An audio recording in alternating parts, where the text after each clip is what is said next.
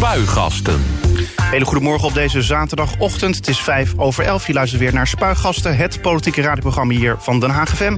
Live met de Centrale Bibliotheek aan het Spui. Tot 12 uur neem ik de afgelopen politieke week door samen met mijn gast. Geen grote optochten, militaire parades of zelfs een dag vrij. 1 mei, de dag van de arbeid, gaat hier stilletjes voorbij. In bijna heel Europa zijn mensen op deze dag vrij om de dag van de arbeid te vieren. Maar de Dag van de Arbeid heeft zijn uh, oorsprong in de Verenigde Staten... en daar staakten de vakbonden al in de 19e eeuw op 1 mei voor een 8-urige werkdag. Die eis die werd overgenomen door de Socialistische Internationale in Europa... En vanaf 1890 werd ook op dit continent op 1 mei gestaakt en gedemonstreerd voor de 8-urige werkdag. Nou, wat is nou die betekenis van de Dag van de Arbeid anno 2021? PvdA Martijn Balster, wethouder natuurlijk hier in Den Haag... die geeft in Spuigassen zijn visie hierop. Goedemorgen. Goedemorgen. Nou, voordat we het daarover gaan hebben... ja, ik, ik zeg natuurlijk van ja, het gaat steeds voorbij... maar dat is niet helemaal waar. Nee. Sterker nog, we gaan het hier in Spuigassen natuurlijk erover hebben. Kijk. Uh, we zitten midden in het reces. Hoe bevalt het? Nou, dat is wel even fijn. Uh, even iets rustiger aan. Uh, uh, even een paar dagen uitblazen. maar vandaag 1 mei en volgende week gewoon weer aan het werk hoor. Was het hard nodig, dat reces? Nou, het is altijd wel even prettig. het is altijd wel even prettig om eventjes wat meer tijd te hebben... om, om na te denken en even je eigen dingen te doen. maar ik, ik hou van werken, geen probleem. Dus nu weer aan de slag. Ja, waar ben je vooral druk mee geweest dan de afgelopen week? Nou, de afgelopen week heb ik dus echt eventjes wat, uh, wat gas teruggenomen. Even een paar dagen weg geweest. Lekker wat hard gelopen. En, uh, maar ook nog wel een klein beetje gewerkt. Want uh, de stad draait natuurlijk gewoon door. Dus, ja, precies. Ja, ja. ja, ja. En, en ja, hardlopen. Ik bedoel, loop je dan nu juist wat meer? Want ik zie jou bijvoorbeeld juist op het moment dat het al druk is. Gewoon in, door, door de week. Nou, dan nee. loop je ook al heel wat. Normaal gesproken loop ik twee keer in de week. twee of drie keer in de week probeer ik wel. maar ja, als ik de tijd aan mezelf heb, dan komen er nog wel een paar keer bij. Dus ja, ja, ja. Ik heb het afgelopen week echt gek gemaakt. Ja gek gemaakt als in? Nou, zes keer. Uh, zes keer in de week gelopen. Dus, uh, ja, en ook nog langere afstanden of niet? 10 kilometer. Ja. 10 kilometer. Dat is een beetje de max voor jou, of niet? Of, uh... Nee, ik loop wel... ik ga straks ook weer meedoen aan de CPC. Maar dat loop ik niet elke week, zo'n afstand. Dus 10 kilometer is prima om het hoofd leeg te maken en lekker te ontspannen. Ja, je komt op een gegeven moment... Na, na die 10 kilometer kan het ook zo worden... dat je toch juist meer last gaat krijgen als je gaat hardlopen? Of? Ja, ik moet er wel naartoe trainen als ik een langere afstand loop. ik heb wel een tijdje in het weekend zo 15 kilometer gedaan. En dan ben je ook wel klaar voor een halve marathon. Moet je ook niet elke week lopen. Uh, daar gaat er wel in. Uh, dat hakt er wel in. Uh, maar je kan er naartoe trainen. Ik heb ook ooit eens een marathon gelopen. Ook dat is trainbaar. maar daar moet je wel gewoon de tijd voor nemen. En echt je trainingsarbeid voor verrichten. Ja, ben je al achter of jij sneller bent... of misschien wel een betere hardloper dan jouw collega's? Want bijvoorbeeld Robert van Asten en Hilbert Bredemeijer... dat zijn natuurlijk ook wel hardlopers. Nou, Robert, dat is, is altijd spannend. we kunnen elkaar, denk ik wel... dat, is, dat is competitie, maar Hilbert is veel te snel voor ons beiden. Dus, heb je al een keer tegen elkaar gelopen of nog ja, niet? we hebben de, de laatste CPC die net doorging. Net voordat de coronacrisis uitbrak. Dat was ongeveer het laatste evenement in het land, geloof ik, dat doorging. Ja. Daar liepen we alle drie. Dus, uh, en Hilbert heeft ons met vlag en wimpel eruit gelopen. Dus. Die liep nog twee keer langs of ja, zo? Dat is, uh, volgende keer moet hij een kwartier achter ons starten, hebben we afgesproken. Mooi zo. Nou, we gaan het straks uitgebreid hebben over de Dag van de Arbeid. Maar uh, zoals altijd blikken we natuurlijk eerst terug op de afgelopen week. Het politieke weekoverzicht. En dan beginnen we bij... Maandag 26 april. De 58-jarige Rabin Baldessing die wordt voorgedragen als wethouder in Leidschendam-Voorburg. Dat heeft de fractie van de Partij van de Arbeid uit die gemeente bekendgemaakt.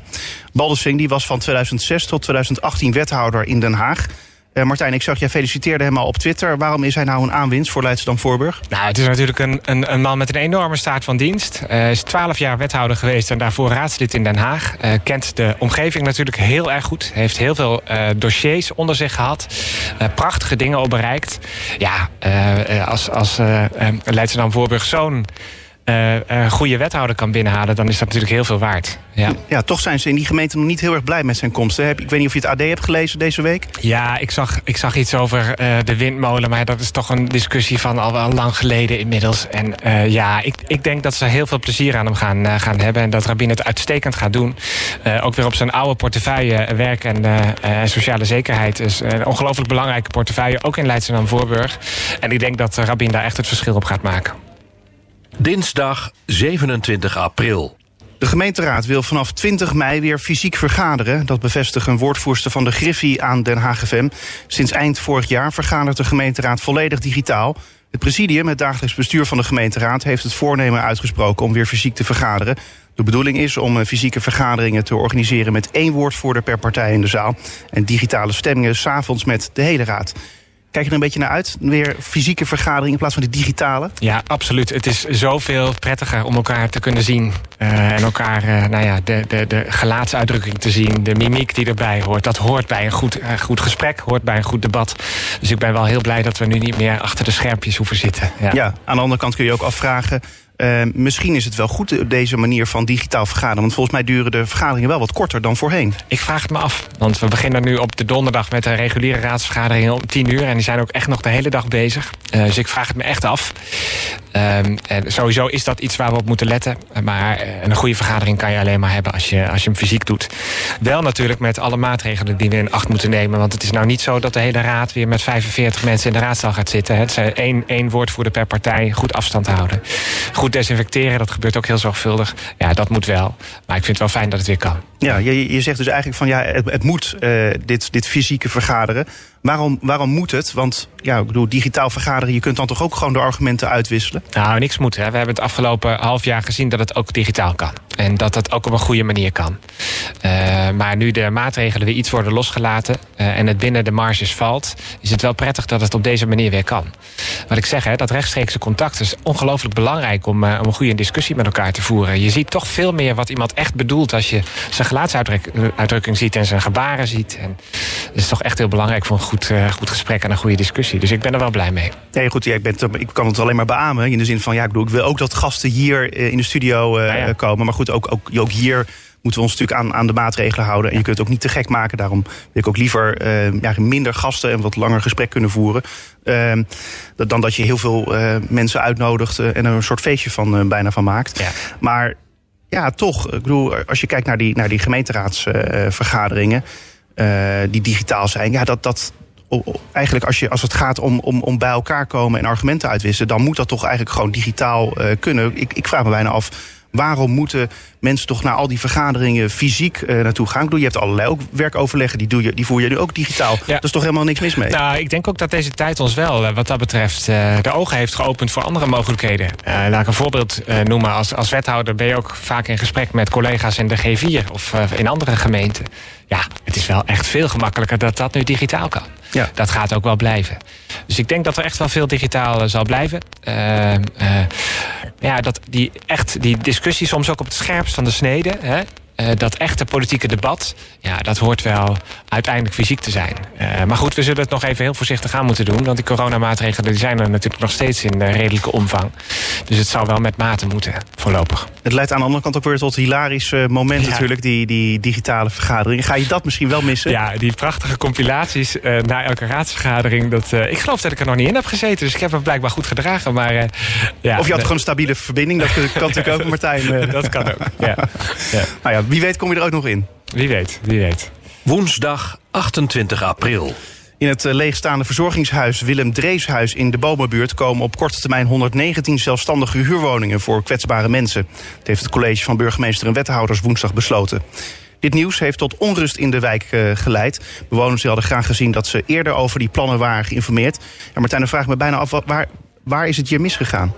Nou, kijk, bij dit soort uh, uh, ontwikkelingen informeren we bewoners op het moment dat het plan klaar is. Want als je een half plan hebt, dan schep je soms verwachtingen, ook over ruimte die er nog ontstaat in zo'n plan, uh, die je niet waar kan maken. Of je organiseert je teleurstelling. Dus we doen dat pas op het moment dat het plan er echt ligt. Daarna gaan we heel erg in investeren, en dat doen we nu ook, in het gesprek met de buurt om dit op een goede manier te laten verlopen. We hebben een hele grote opgave om mensen die uit zorginstellingen komen uh, te huisvesten. Daar gaat op deze locatie in een voormalig en nu leegstaand verzorgingshuis. Gaan 69 mensen wonen die klaar zijn om weer zelfstandig te wonen nadat ze in de maatschappelijke opvang hebben gezeten, de dakloze opvang. Uh, en daarnaast komen er 70 zelfstandige sociale huurappartementen. En ik merk ook aan de reacties uit de buurt. Hè, sommige mensen zijn geschrokken, maar er zijn ook heel veel mensen die zeggen van... nou, ik vind op zich een goede ontwikkeling en ik denk graag mee. En dat, dat hebben we natuurlijk heel graag. We zijn ook aan het kijken hoe we bijvoorbeeld startende ondernemers een plek kunnen geven in het pand. we horen ook heel graag wat de gedachten uit de buurt zijn... om het op een zo goed en zo prettig mogelijke manier te laten verlopen. Er is een tuin omheen. Wellicht kunnen we ontmoetingsruimtes ook creëren... zodat de nieuwe bewoners en de oude bewoners ook elkaar kunnen ontmoeten. En we er gewoon een hele goede ontwikkeling van kunnen maken. Maar we zullen af en toe ook ja, fermer besluiten moeten nemen... om ervoor te zorgen dat die achterstanden die we hebben, dat we die inlopen. Nee, dat, dat is allemaal helder. Alleen... Uh, als je zegt dat je eerst met een goed plan wil komen... voordat, dan bewoon, voordat je dan de bewoners gaat informeren. Je kunt ook zeggen er gaat hier iets op deze plek gebeuren. We weten nog niet precies wat. Daar komen we later op terug. En, en dat, dat is nu uh, niet gebeurd, toch? Nou, dat wisten mensen wel. Dat er nagedacht werd over nieuwe functies voor het pand. Het staat nog niet zo lang leeg. Hè? HWW, het verzorgingshuis, uh, zat daarin. Ongeveer een half jaar geleden is het helemaal leeg gekomen. Daarna is het ook een beetje achteruit gegaan. Hoor je ook wel van bewoners. Ja, dan duurt het soms even voordat je een plan hebt.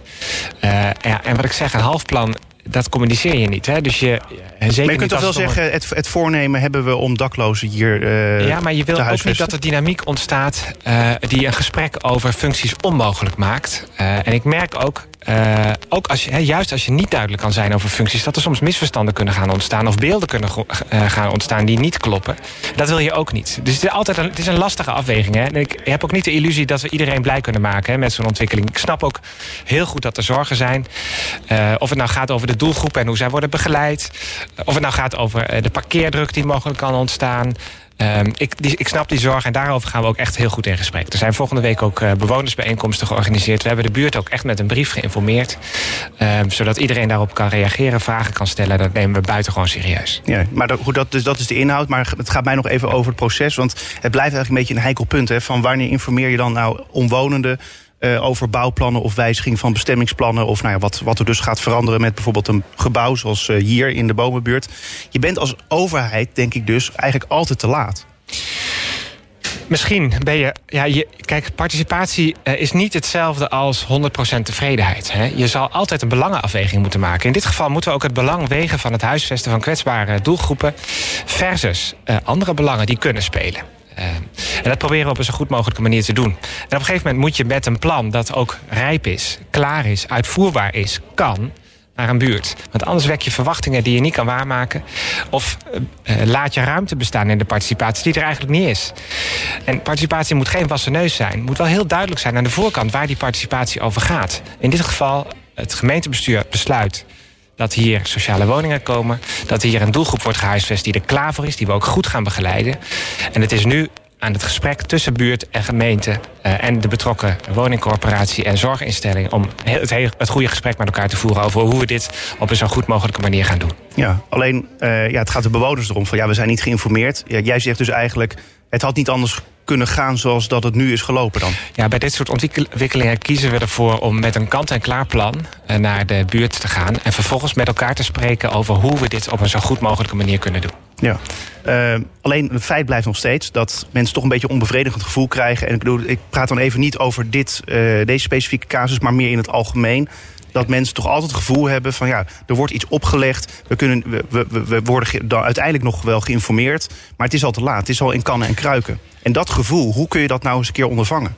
Ja, eh, eh, wat ik zeg, hè, we hebben ook met elkaar een belangenafweging te maken om uh, doelgroepen, in dit geval een zorgdoelgroep te huisvesten en ook sociale woningen te realiseren in een bestaand pand. Hè. Dat pand dat blijft, het pand wat het is. Um, die afweging moeten we stadsbreed met elkaar maken. En moet heel duidelijk zijn waar die participatie dan vervolgens over gaat. In dit geval gaat die participatie over hoe we dit zo goed mogelijk met elkaar kunnen doen. Maar het besluit of deze functie hier komt, is echt een afweging die we stadsbreed nu moeten maken. Ja, maar, maar dit gaat even over die casus. Maar ja. ik, wil juist het bredere plaatje zien, laten zien van dit, dit zien we natuurlijk elders in de stad ook elke keer ja, gebeuren. Dat hangt natuurlijk helemaal af van het type ontwikkeling. Er zijn ook, er zijn ook initiatieven die helemaal van onderop komen. He, dat is een hele andere vorm van participatie... waarbij je eigenlijk vrij bent. We maken bijvoorbeeld wijkagenda's met wijken en buurten. Dan beginnen we niet met... Uh, de gemeente heeft een blauwdruk en we willen het zo hebben. Integendeel, dan beginnen we juist...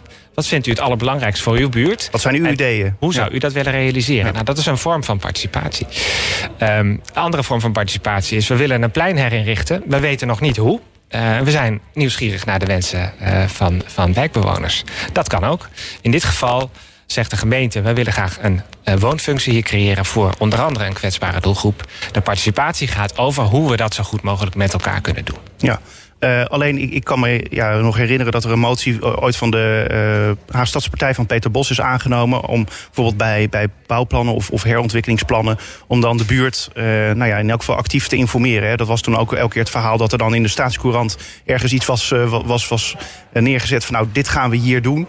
Uh, wat is ja, de gemeenteberichten dan eigenlijk. En, en die leest natuurlijk helemaal niemand. Uh, dus dan kom je er bijvoorbeeld via de media achter of via een politieke partij die daar uh, stampij over maakt. En dat is nou vooral ook het, het ding, hè, dat, dat mensen zich gewoon ja, eigenlijk te laat geïnformeerd voelen. Maar hier nog voordat de formele procedures gaan lopen... hebben we de buurt geïnformeerd. Hè? En uh, misschien is dit nog wel het beste vergelijkbaar... want dit gaat over zorgdoelgroepen, het kan ook over statushouders gaan... het kan over andere doelgroepen gaan. Het best vergelijkbaar met de periode die we destijds hebben gehad... waarbij we verschillende locaties moesten aanwijzen...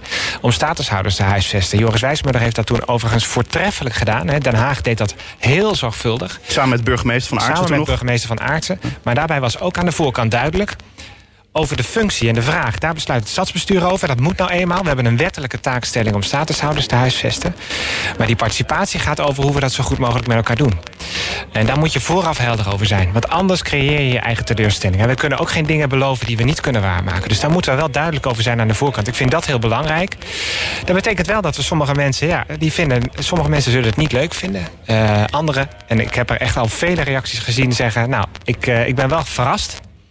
Maar ik ben graag bereid om mee te denken over, uh, over de vorm en de manier waarop we dit met elkaar willen gaan doen. Dus uiteindelijk komt het goed? Dit komt zeker goed. Donderdag 29 april. Nu de ANWB van Wassenaar Den naar Den Haag vertrekt... ziet het Haagse CDA zijn kans schoon om dat stukje Wassenaar over te nemen. Het ANWB-pand ligt tussen het Benoordenhout en Duinzicht... door het logischer zou zijn als het bij Den Haag zou horen. Doordat het grondgebied van de gemeente Wassenaar is... hebben buurtbewoners nu nul inspraak over wat er met het terrein gaat gebeuren. En daarom wil het Haagse CDA-raadslid Kees Pluimgraaf... dit stukje Wassenaar annexeren. Al durft het CDA het woord annexeren eigenlijk niet te gebruiken. Wij noemen het een grenscorrectie, zegt Pluimgraaf. Je zit er een beetje bij te lachen, Martijn. Glimlachen. Ja, ik, uh, ik ben benieuwd naar de, de ware uh, achtergrond van deze vraag van het CDA. Uh, op deze plek worden woningen gerealiseerd. Ik denk dat die woningen heel hard nodig zijn. Uh, het stadsbestuur heeft ook... Het, is, het gaat niet over ons grondgebied, dus wij gaan er echt niet over. Uh, ja, we zijn wel de buren. We zijn de buren. Uh, dus ik vind ook hè, dat de omwonenden betrokken moeten zijn... ook bij dit besluit. Dus dat geldt ook voor de buren. Uh, ik heb gezien en gelezen dat er ook inspraakavonden zijn geweest. Maar aan de andere kant, die woningen zijn ook ongelooflijk hard nodig. Ik zie dat er ook betaalbare woningen bij zitten, gelukkig. Daar word je blij, blij van, ja. Ja, dat is wel heel hard nodig. En ik vind het wel goed om te zien dat Wassenaar ook daar verantwoordelijkheid in neemt. En natuurlijk moet het in goede afstemming, maar ja, annexatie. Uh, ik denk niet dat dat de oplossing is. Ik denk dat we goed moeten kijken hoe we dit zo, zo, hè, in zo goed mogelijke afstemming kunnen doen. Maar die woningen zijn ook nodig. En uh, ik denk dat dat prima kan op die plek. Dus eigenlijk hoor ik jou een beetje... Ja, goed, ik vul het nu zelf in, maar ik hoor jou een beetje zeggen... dat het een soort proefballonnetje eigenlijk is van het CDA. Ja, tuurlijk. Het is een proefballon. Ja. Ja, oké. Uh, maar goed, het CDA start dus wel de discussie over annexatie. En het valt, zoals verwacht, natuurlijk in Wassenaar slecht. Uh, lezen we vanochtend in AD Haagse Courant. Geen verrassing natuurlijk. Uh, maar wat doet dat dan wel met de verhoudingen tussen de stadsbesturen van Den Haag en Wassenaar? Zijn er nu al boze telefoontjes over en weer? Ik heb ze nog niet gehad. Ik werk natuurlijk met verschillende gemeenten ook samen om bijvoorbeeld op woningbouw afspraken te maken over hoe we ieder een verantwoordelijkheid daarin nemen om betaalbare woningen te bouwen. Om, om daar ook ieder een evenredig aandeel in te, in, in te, te, te, te, doen, te realiseren. ik heb daar nu niks over gehoord. Ja, gemeenteraden roepen wel eens wat vaker over elkaar. Hè? Dat, dat gebeurt. Uh, dat hoort er misschien ook wel een beetje bij. Ik denk niet dat dit de verhouding op scherp zet. Uh, maar liever werk ik samen. En ik vind het echt heel erg belangrijk dat alle gemeenten in onze regio verantwoordelijkheid pakken bij het realiseren van betaalbare woningen. En ik heb het gevoel dat Wassenaar dat in dit geval heel goed doet. Ja, en nou goed, de plooien hoeven nog niet te worden gladgestreken nee. dus. Nee. Oké. Okay. Vrijdag 30 april. De inhoudelijke formatie die kan beginnen. Dat is de voornaamste conclusie van informateur Cenk Willink.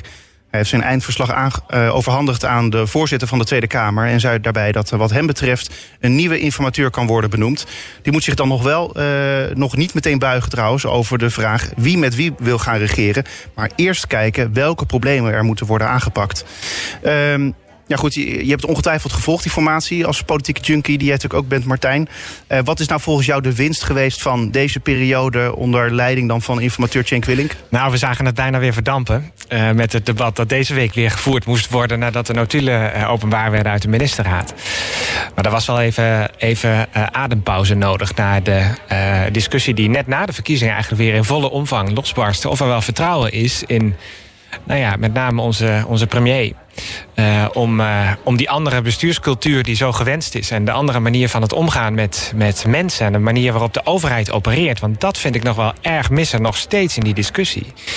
De hele aanleiding is de toeslagenaffaire... waarbij mensen echt uh, in een hele nare situatie terecht zijn gekomen... dankzij het handelen van de overheid... en het wegstoppen van dit probleem het achterhouden van informatie. En dat is, dat is als de regering zich niet goed laat controleren. Uh, en dat is in dit geval gewoon niet goed gebeurd.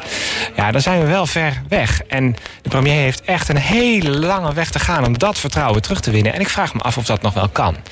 Nou heeft Cenk Willink de tijd genomen met, uh, uh, met drieënhalve weken de tijd genomen om alle fractievoorzitters goed te spreken om te kijken of dat kan. Een kleine stap gezet, denk ik, naar openingen voor een nieuwe koers en daar ook wel wat richting op gegeven.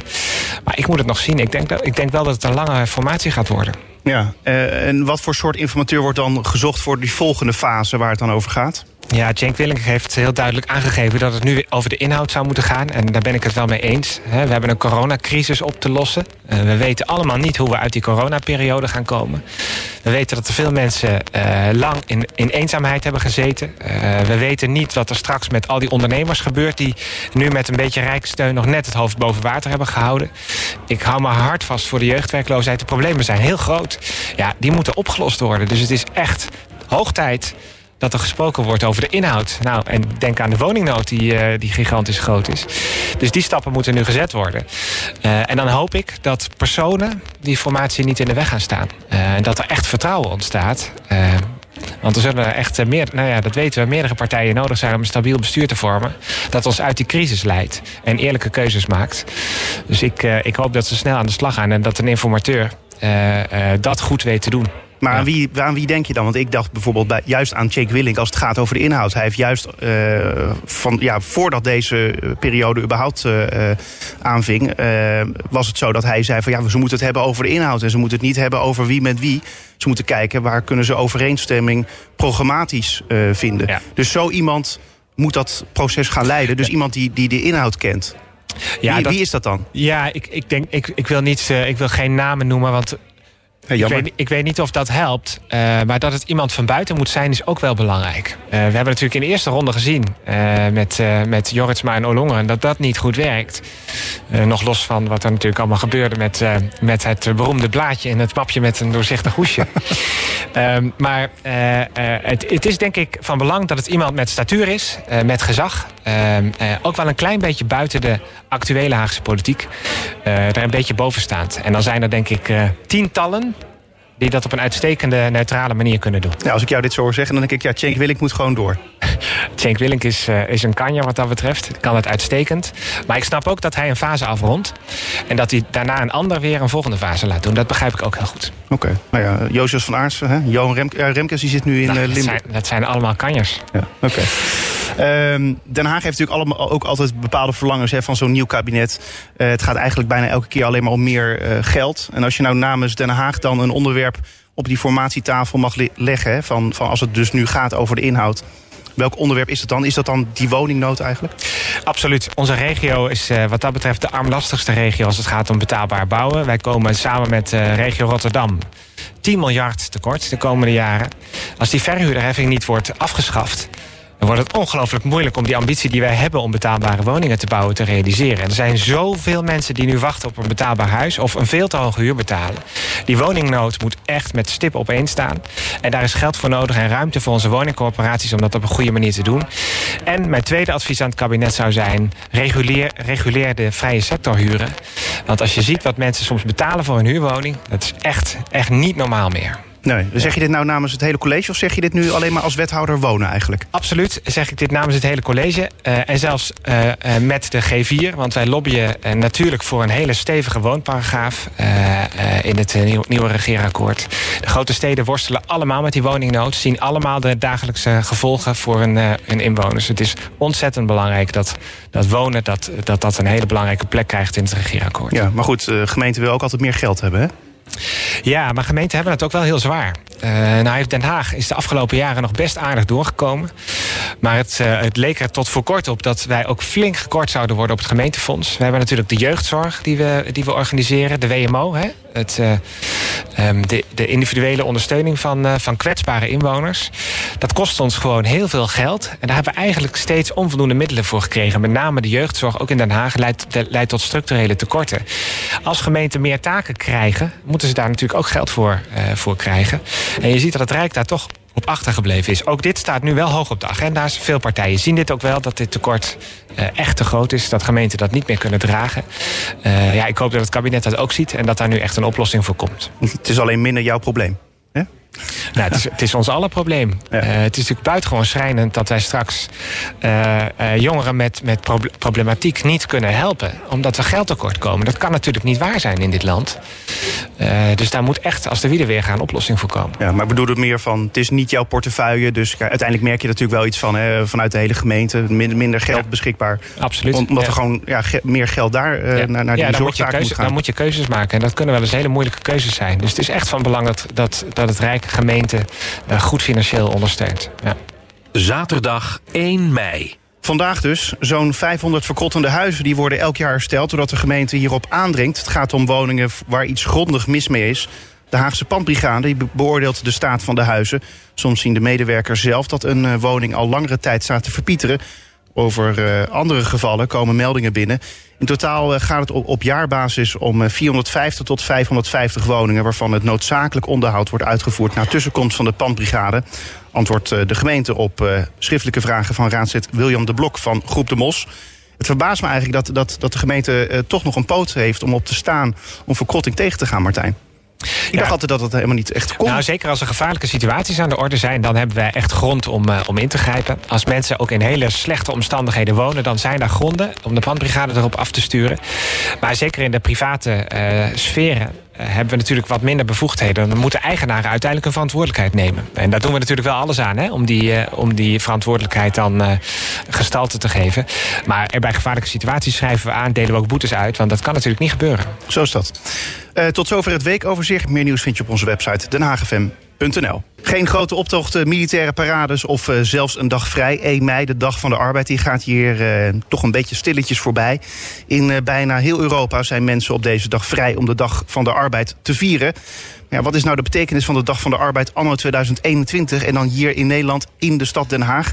PvdA Martijn Balster, wethouder hier in Den Haag, die geeft in Spuigasten zijn visie hierop. Um, ja, Martijn, wij, vandaag vieren we dus de Dag van de Arbeid in Den Haag. Een, een, een dag in het teken van de arbeidsbeweging... en van wat uh, uh, alle hardwerkende bewoners toevoegen aan uh, onze stad. aan wie moet ik dan denken? Ja, het is natuurlijk een steeds breder begrip geworden. Toen de Dag van de Arbeid ontstond, ging het over de achturige werkdag. dat moest bevochten worden. Gelukkig is dat nu ons recht. Maar het is natuurlijk nog steeds niet zo dat dat voor iedereen ook zo is. Uh, dus in die zin gaat het over uh, mensen van vandaag. Uh, als je kijkt naar arbeidsmigranten die in onze stad wonen, komen geregeld tegen dat die werkdagen van 10, soms al 12 uur maken. Dat de CAO aan, uh, aan de laars wordt gelapt. Uh, dat mensen onder zware omstandigheden, slechte omstandigheden moeten wonen.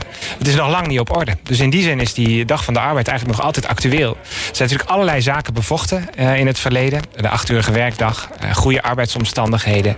Ehm, beloning hebben we nog niet eens over gehad. Goede beloning. Uh, algemeen kiesrecht, uh, waar hard voor gevochten werd. Uh, vrouwen ook naar de stembus.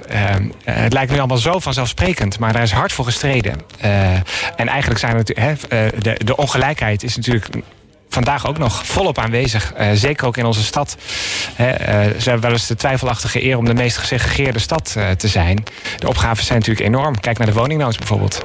Ja, uh, nou denk ik wel een beetje van ja, hoe kan het dan toch dat deze dag uh, ja, toch wel een beetje stil aan voorbij gaat hier in Nederland? Ja, in Nederland heeft het nooit de status gekregen van een, uh, van een, van een vrije dag. zoals het in veel buitenlanden wel zo is. Onze zuidenburen bijvoorbeeld hebben een vrije dag op 1 mei. Voor mij mag het. Nou, vandaag zijn we gelukkig vrij. Het is in deze coronaperiode natuurlijk überhaupt moeilijk. Maar het is ook wel vaak een dag die de bonden, de vakbonden aangrijpen om te demonstreren. als er iets te demonstreren valt. en dat is natuurlijk wel vaak zo. Ehm, en in Den Haag vieren we het ook elk jaar bij het Troelstra Monument in het Westbroekpark. Ik kom er net vandaan. We zijn er ook even geweest met een klein clubje vandaag. Normaal gesproken staat het daar mooi vol. veel, met name ook oudere leden, die die, die traditie in ere houden met elkaar. Worden strijdliederen gezongen, de rode vlag gehesen.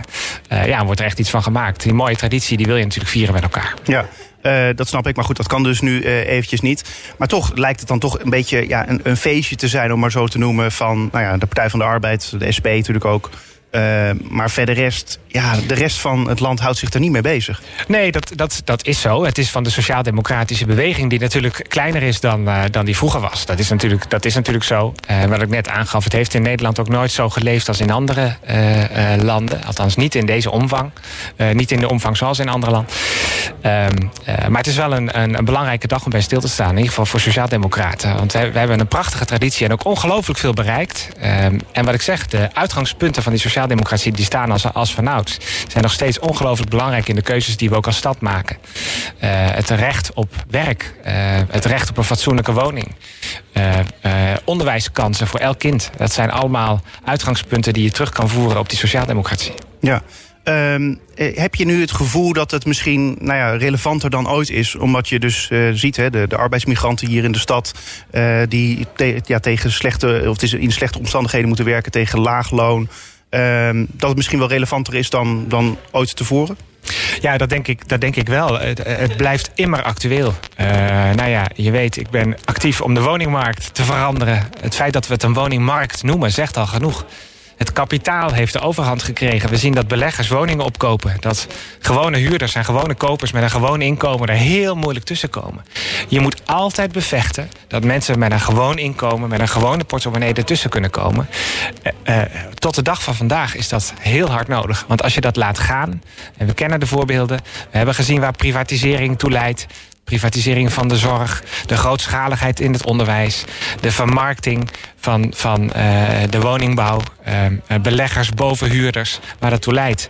Uh, mensen met, met een gewoon inkomen komen er dan niet meer tussen. En dat moet bevochten worden. Ja, ik heb bijna het gevoel alsof het 1 mei wel een vrije dag zou moeten zijn. Want dan, dan krijgen mensen meer gevoel misschien erbij dan, ja, omdat het nu dus een beetje stilletjes voorbij gaat. Dat heeft natuurlijk met, ja, met Koningsdag. Ja, ik bedoel, ik, volgens mij hebben de meeste mensen geen idee wat we, wat we op die dag vieren. Maar goed we zijn vrij en dan, dat, dat vieren we eigenlijk. Laat, laten we er gewoon een extra vrije dag van maken. van mij mag het. Maar dat, dat is volgens mij waar het uh, ja, ooit in die zin tussen haakjes even mis is gegaan dan. Dat we natuurlijk wat meerdere vrije dagen achter elkaar hebben. We hebben ja. natuurlijk uh, bevrijdingsdag. We hebben natuurlijk uh, op 5 mei.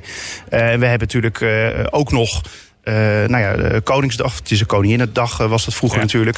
Dus, dus, dat, dus het past eromheen. Precies, dus het, past, druk. het zijn te veel vrije dagen anders ja. achter elkaar, toch? Ja, dat, wellicht is dat, dat ooit een van de redenen geweest. misschien. Een ja. van de redenen. En dat we Koninginnedag en nu Koningsdag in die periode vieren... is natuurlijk wel echt Nederlands. Hè? Dus, dus in die zin is er wel... Een, maar wat mij betreft maken we er een extra vrije dag van. Het is denk ik heel goed om daarbij stil te staan. die sociaaldemocratie heeft ongelooflijk veel betekend... voor hoe de samenleving er nu uitziet. Het feit dat ik heb kunnen studeren studeren uh, en mijn opa dat nog niet kon. Dat dat niet vanzelfsprekend was in het milieu waar, waar hij uitkwam. Ja, dat, is, dat is enorm snel gegaan. Het is van belang dat we daarbij stilstaan. En dat die principes cruciaal zijn nog altijd voor het inrichten van onze huidige samenleving. Ja, ik zou bijna zeggen, bij de formatie misschien op tafel leggen, toch?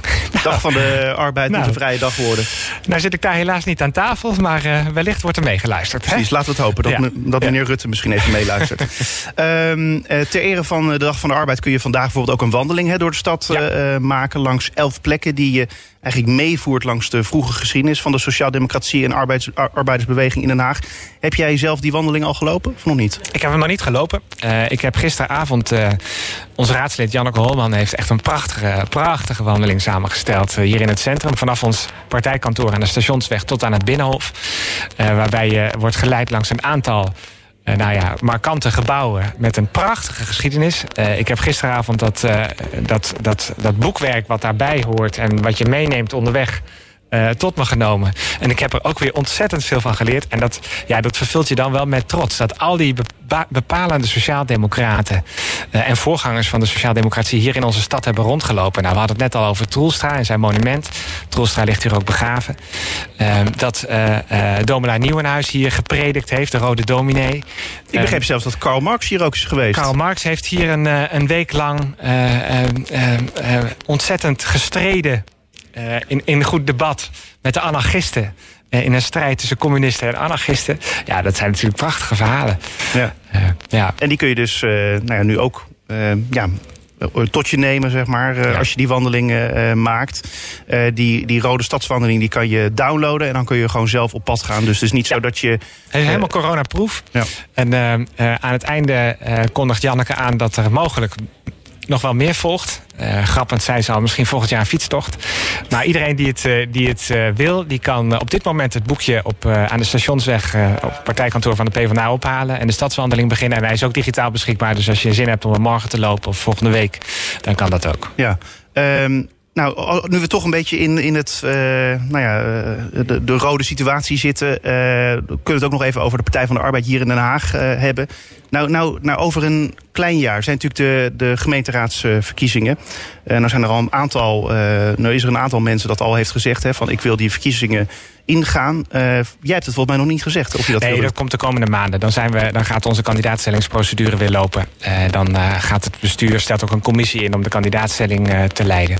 En de komende weken en maanden zal dat duidelijk worden. Maar het gaat ook over jezelf of je nog een periode door wil. Ja, Zeker. En daar ben ik natuurlijk ook hard over aan nadenken. En als het moment daar is, dan zal ik dat bekendmaken. Je bent er hard over aan het nadenken. Ik bedoel, je, je, je zit nog tot een jaar tot aan de verkiezingen... en je bent nu nog aan het nadenken of je de lijst wil gaan aanvoeren. Ik, ik, ga daar nu niks over zeggen. Ik vind dat we het moment daarop even moeten afwachten... Dat, dat we dit met elkaar naar buiten brengen als vereniging. Dat moet zorgvuldig gebeuren. En daar wil ik niet op vooruit lopen. Dus dat komt op het moment dat het komt. Dat snap ik, maar eh, het gaat nu ook over wat jij wil. Het gaat niet om wat de partij wil, het gaat om ook wat jij wil. Ja, klopt. Maar zoals gezegd, ik kom daar op het moment dat we daar uh, bekendheid aan geven op terug. Oké, nou helder. Uh, de komende tijd, het, je hebt dan nog een jaar de tijd, ook als wethouder hier in Den Haag, ja. uh, om nog ja, de punten te verzilveren eigenlijk, ook richting de verkiezingen, waarmee je natuurlijk dan ook, als jij dan gaat meedoen aan die verkiezingen, hè, even als, ik ga er gewoon vanuit, maar als je dan aan mee gaat doen, uh, ja, dat je terug daar, daar neer kunt leggen wat je in die nou ja, korte periode natuurlijk hebt kunnen bereiken.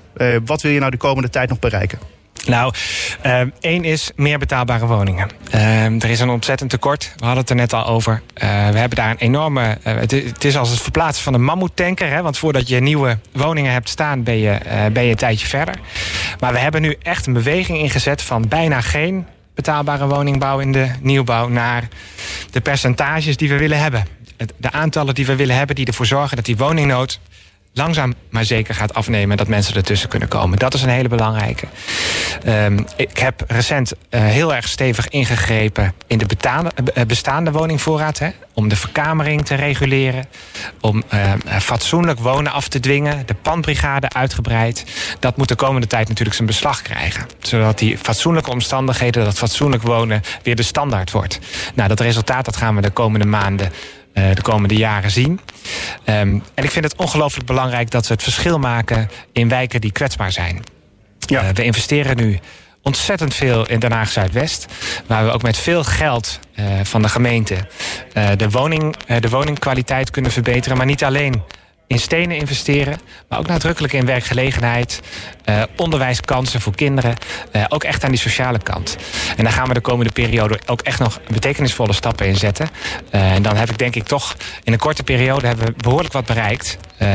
Dus uh, nou, daar ben ik wel trots op. Ja, en wat wordt dan het, het punt wat, wat je nog de komende, het komende jaar nog wil gaan doen? Of is het dit jaar, een klein jaartje toch aan de verkiezingen?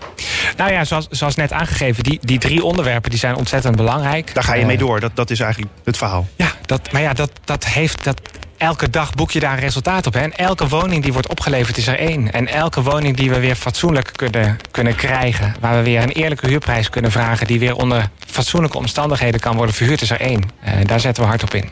De schouders eronder zou ik zeggen. Schouders eronder, zo is het. Martijn Balser, dankjewel. Graag gedaan. Stadgenoten, laat ik eerlijk zijn. Ik denk ook wel eens, ik heb maar makkelijk lullen. Je zal nu toch maar inwoner zijn van Amsterdam. Dan moet je een hippe sik laten staan... en met je doorgeyogaade vriendin in een kippenhok... voor 25 euro per maand gaan wonen. Waar jullie met jullie quinoa-koppen als hoogopgeleide types... de hele dag veel te veel geld binnen zitten te zoomen. Wat een verschrikkelijk bestaan. Want je kan jezelf niet zijn vanwege corona. En dan ben je daar helemaal klaar mee. Een jaar geleden heb je nog bang staan te klappen voor de zorg, maar dat boeit niet meer. Ze hebben je al zoveel afgepakt. Dus ja, als het dan Koningsdag is, dan wil je dat hele zware leven vergeten. En dan ga je lijf aan lijf staan te zuipen. In de Jordaan, boa's, fuck off. Ja, een oranje boa om je nek en ga met die banaan. Natuurlijk, ik denk niet zo. Maar ik ben in een andere positie en misschien heb ik makkelijker lullen. Maar als ik dat gehos op pleinen, grachten en parken zie... dan denk ik wel, egoïsme is nog besmettelijker dan corona. Probeer hier maar te handhaven. Misschien kunnen we daar voortaan wat van die bloedhonden van de Belastingdienst op afsturen. Of een paar voormalige turntrainers. Dat zal ze leren. En dan het Koningshuis. Ja, ik heb natuurlijk makkelijk lullen. Ik ben wel in een normale familie geboren... hoewel daar intern de meningen over verdeeld zijn. Maar ik hoef niet als 17-jarige een permanent toneelstukje op te voeren... waar iedereen commentaar op heeft.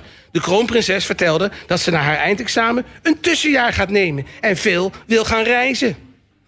Tja, we hebben allemaal nogal een tussenjaar gehad. Maar reizen zit er voorlopig niet in voor de gewone mensen. Nou ja, hoorde ik iemand op het terras zeggen... een beetje beweging zal haar geen kwaad doen. Ja, op het terras hebben we makkelijk lullen... want over de forse gestalte van Amalia hoor je het niet te hebben. Dat is zeg maar de olifant in de kamer. In onze Tweede Kamer barst het ondertussen van de olifanten. Ze willen Rutte en zijn clubje onder de voet lopen... maar proberen een paling die net uit een, een emmer met ruim voorraden snot is gekropen... maar eens te betrappen. Want ik kan makkelijk lullen, maar niet zo makkelijk als Mark Rutte. Nee, dan Ernst Kuipers. Die flapt er tegenwoordig ook maar van alles uit.